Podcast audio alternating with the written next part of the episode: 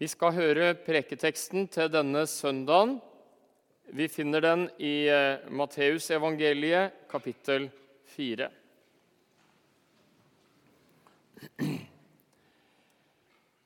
Jesus ble så av ånden ført ut i ødemarken for å fristet, fristes av djevelen. Han fastet i 40 dager og 40 netter og ble til sist sulten. Da kom fristeren til ham og sa, Er du Guds sønn, så si at disse steinene skal bli til brød. Jesus svarte, Det står skrevet, mennesket lever ikke av brød alene, men av hvert ord som kommer ut fra Guds munn. Da tok djevelen ham med til den hellige byen, stilte ham ytterst på tempelmuren og sa, Er du Guds sønn, så kast deg ned herfra, for det står skrevet, Han skal gi englene sine befaling om deg, og de skal bære deg på hendene, så du ikke støter foten mot noe stein. Men Jesus sa til ham, det står også skrevet, du skal ikke sette Herren din Gud på prøve. Så tok djevelen ham med seg opp på et meget høyt fjell og viste ham alle verdens riker og deres herlighet, og sa, Alt dette vil jeg gi deg, dersom du faller ned og tilber meg. Da sa Jesus til ham, Bort fra meg, Satan, for det står skrevet:" Herren din Gud skal du tjene, skal du tilbe, og ham alene skal du tjene. Da forlot djevelen ham, og se, engler kom og tjente ham. Slik lyder Herrens ord. I eh, den oversettelsen jeg har vært mest vant til gjennom mitt liv som bibelleser, så står det ikke ødemarken, men ørken. Jesus gikk inn ut i ørkenen. Han gikk ut et sted hvor det er veldig begrensa hvor mange sanseinntrykk det er. Han gikk inn i omgivelser hvor, eh, som har mye til felles med høyfjellet eller havet, hvor det er noe med naturen som gjør at vi blir små og aner at vi står innenfor noe mye større. Tett innpå naturelementene. Ørken som en kontrast til et uh, moderne, urbant liv, hvor vi bombarderes med inntrykk, hvor sanseinntrykkene er uh, enorme. Og når det står om Jesus mange steder i Det nye testamentet, at han gikk til øde steder for å be, så er det ikke noe mindre grunn til at vi i vår moderne tid tar sånne praktiske grep at vi legger opp til gode vaner som kan bidra til åndelig dybde i vårt eget åndelige liv og i våre familiers liv. For i vårt eh, overdigitaliserte samfunn så er det så ekstremt mange impulser jeg utsettes for, og du utsettes for, at vi lett blir overfladiske, og at vi kan miste noe av den konsentrasjonsevnen som gjør at vi ser linjene i Guds ord og ser verdifulle hemmeligheter som Gud ønska du og jeg skulle oppdage i den åndelige verden. Vi er i fastetida. Det handler om frivillig å avstå fra noe, ikke som en straff, ikke som en sjølplaging, men for å trene impulskontrollen og for å motvirke at du og jeg blir slaver under det kortsiktige begjæret. Jeg veit at det er noen av dere her på Ryen som har eh, hatt en skjermfri uke etter initiativ fra den felleskristne organisasjonen Tro og Medier, som anbefalte og ga veiledning for ei uke hvor folk skulle oppmuntre hverandre til at når skoledagen og arbeidsdagen var til ende Der er det selvfølgelig skjerm oppå i mente for mange av oss. Så skulle vi få ha en faste, en pause, en revitalisering av sinnet og det åndelige livet ved å ha en innledning til fastetida med en sånn type skjermfri uke. Hjelp til mediterende bønn. Hjelp til at sinnet ikke er altfor flakkende. Og en hjelp til å gjenoppdage det verdifulle det er å eie og leve i og smake på. Og få kjenne hvilen i Gud. Vi hadde konfirmantleir. 50 konfirmanter. Deriblant en gjeng, eh, liten gjeng her fra Ryenberget. Vi var heldige å ha med deg som leder, Åsmund. Kjekt å få samarbeide med deg i lederkollegiet. Og noen eh, rynka på øynene og murra, for vi annonserte at denne leiren fred, på fredag, lørdag og søndag skulle være helt mobilfri. Og vi samla inn alle mobiler. Ja, det var en og annen som hadde smugla en reserve, men vi samla inn. Det var murring, og noen tenkte at wow, dette går ikke. Jeg var der hele tida. Jeg var tett på miljøet. Jeg prata med mange av ungdommene. Mitt inntrykk er at de syntes det var bra. Mitt inntrykk er at de syntes det var en ekstra god helg. De var fornøyde. Og jeg har fått gode tilbakemeldinger i etterkant fra foreldre og fra ungdommer. Dette var en veldig bra helg. Den gode faste. Få smaken på noe bedre. Vi fikk enda mer møte hverandres ansikter uten å konkurrere og ta snarveier til noe som var et annet sted enn der vi var. På denne leiren, disse 50 ungdommene, som denne helga skulle få hengi seg til hverandre og til Gud.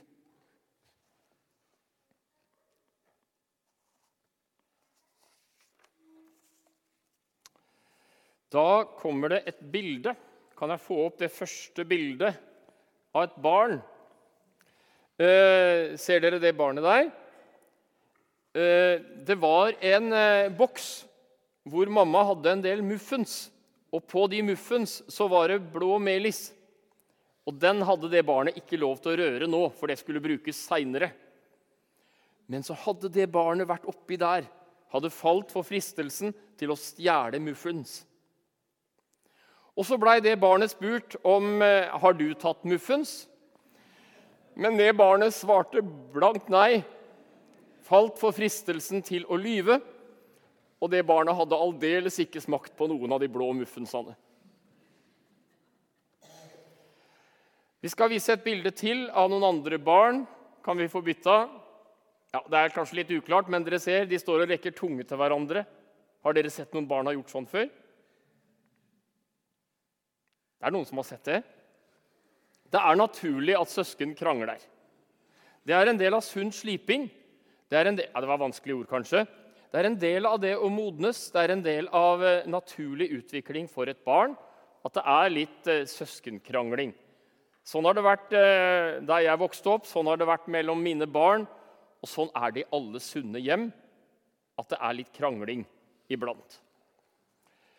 Eh, og samtidig så har jeg lyst til å si at eh, hvis det som står i teksten i dag om fristelser, og hvis det vi hører i dag om å be om å bevares i fristelser og kjempe mot fristelser, bidrar til at vi lærer barn at de skal stenge omtrent alle følelser inne. Da påfører vi dere barn noe gærent. Det er ikke bra for dere. Og Jeg hørte en fin bønn hvor det var noen som ba Kjære Gud, gi meg barn som smeller i døra. Jeg syns det var en god bønn. Det er naturlig at barn lar følelser komme til uttrykk.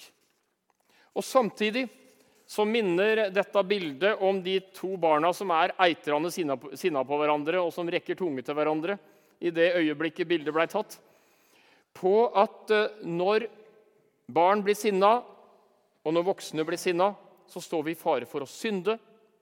og vi står i fare for å krenke, og vi står i fare for å lage forferdelig vonde sår i andres sinn og hjerte. Og vi står i fare for å ødelegge og skade. Og vi trenger, du trenger som barn å være i bønn om at Den hellige ånd får styre deg i ditt barneliv. Får styre deg, sånn at Gud får forme mer og mer av tankene dine. Og lede deg til å være en sånn jente og en sånn gutt som lever til ære for Gud og til glede for andre barn og til glede for andre voksne. Og Så kommer det et tredje barnebilde. Skal det lykkes for deg som barn å leve til Guds ære, å stå i fristelser, bli bevart i fristelser i større grad, så handler det om deg som barn, like mye som det gjør for oss voksne, å leve et liv i bønn. Og Det er godt å merke barn som er vant til å be, og glad i å be, og som har en avhengighet av bønn som den naturligste ting av alt. At når du er sinna, når du er lei deg, eller når du er jublende glad, så er det helt naturlig og veldig naturlig at du ber. At du er i kontakt med pappa Gud om alt det du kjenner i hjertet ditt.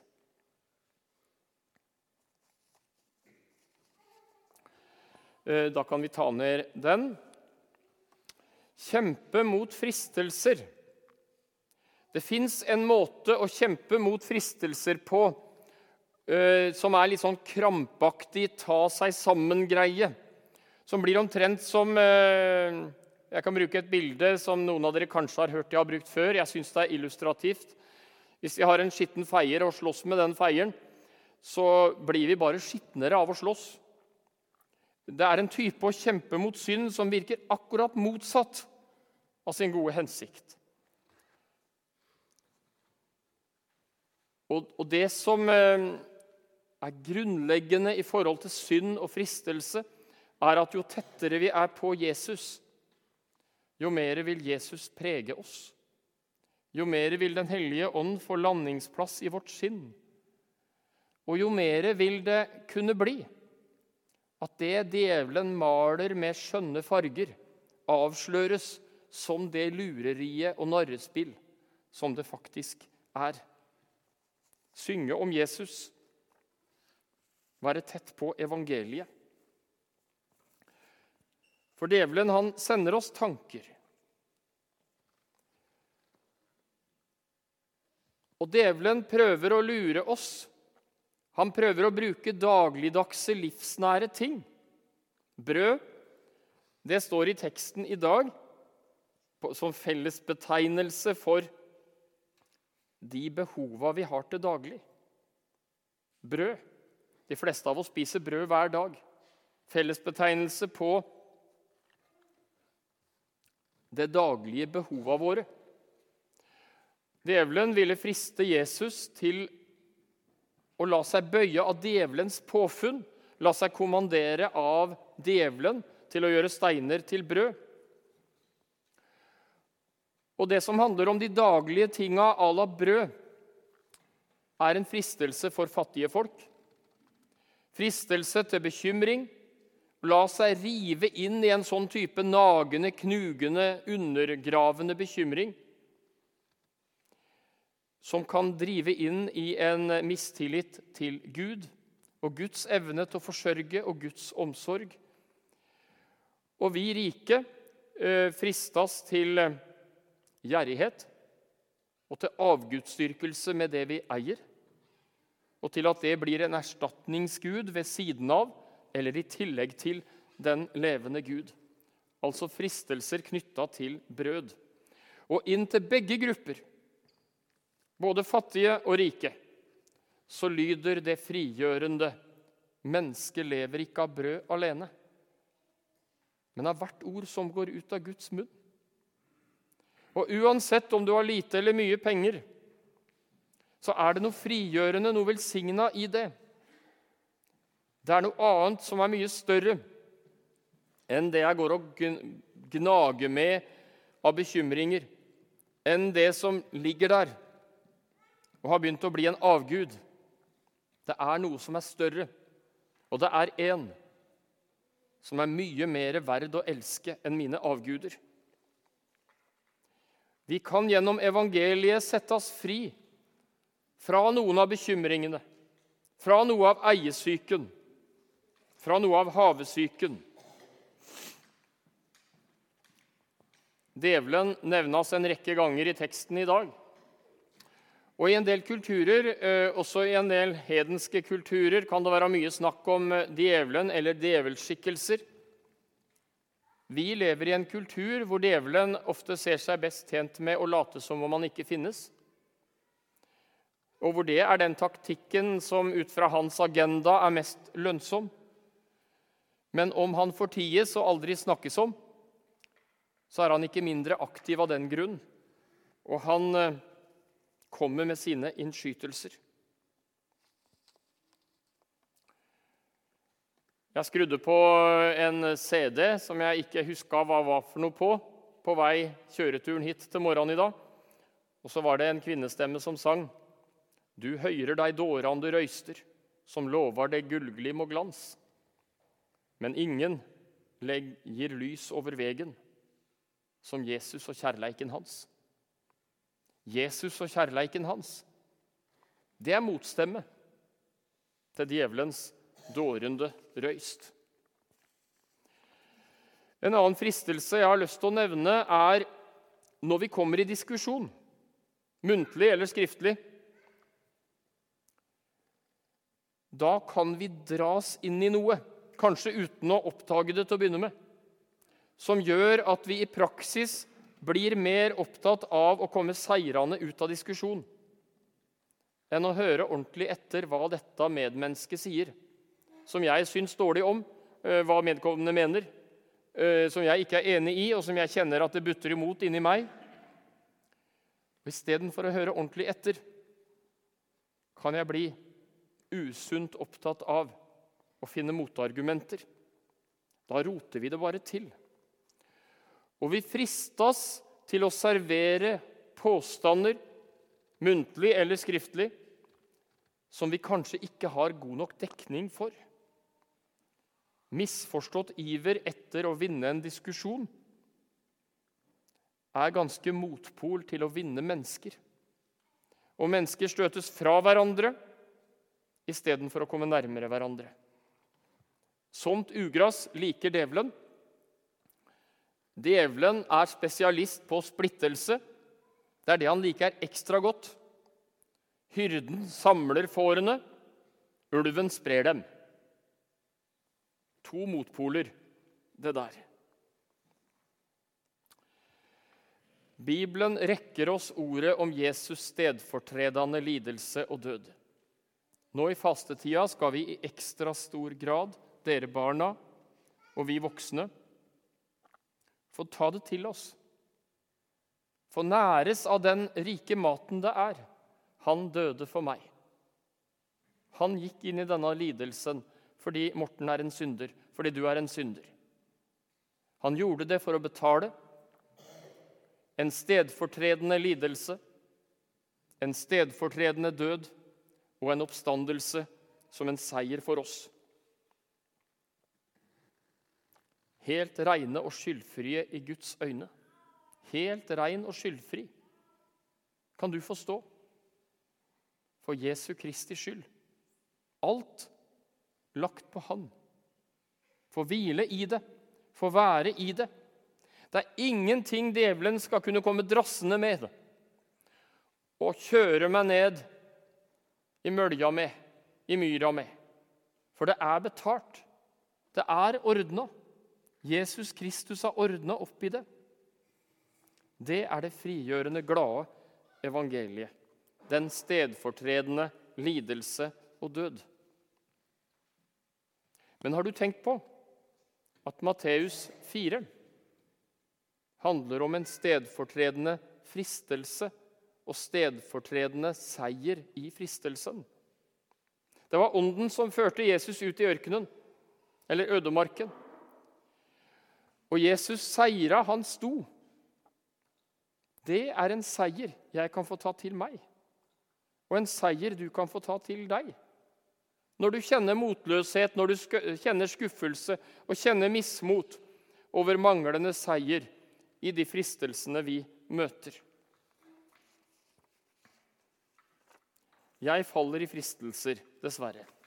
Og jeg seirer ikke i nærheten av sånn som Jesus gjorde. Og jeg trenger å lage vaner for å stå bedre i fristelser. Jeg må ha bestemt meg på forhånd at det er noen typer lenker jeg ikke klikker meg inn på. Jeg må øve impulskontrollen sånn at jeg har gjort en avtale på forhånd. Jeg skal ikke inn der. Det er noen typer oppslag i VG som jeg ser, men jeg veit at de skal ikke følges videre. Det er nok ugress i mitt indre, i mitt sinn og i mitt hjerte om jeg ikke skal gjødsle det ugraset og ukruttet enda mer.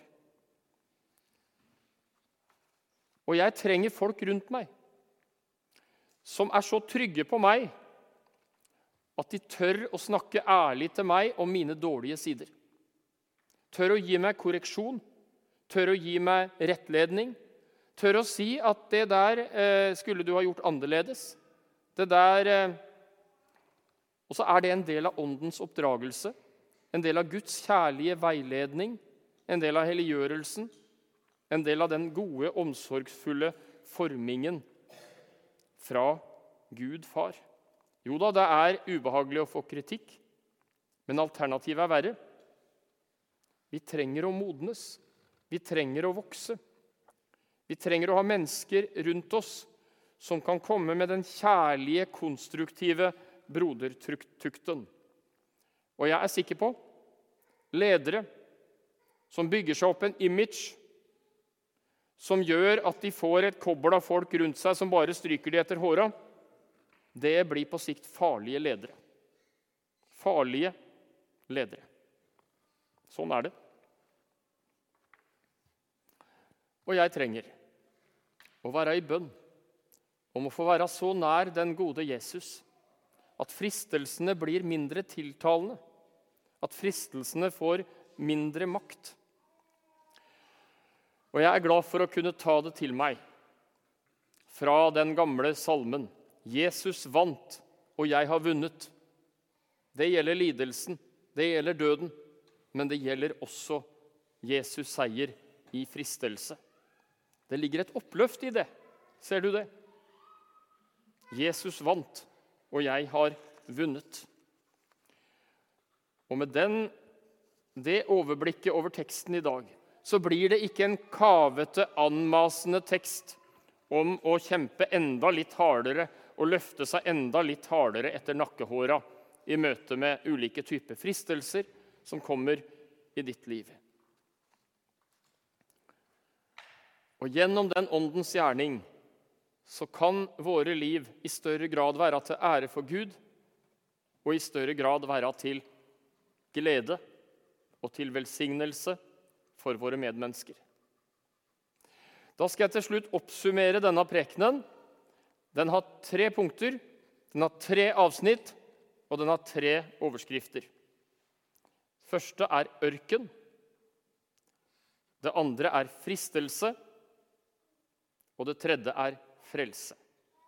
Ørken, fristelse og frelse. Og hvis du har med deg de tre knaggene, så kan det kanskje være litt mindre risiko for at en fiende får snappe vekk det såkornet som er sådd i hjertet ditt i prekenen nå. Hellige Far, hellige oss i det brødet som ditt ord er. Minn oss igjen og igjen på at vi ikke lever av brød alene.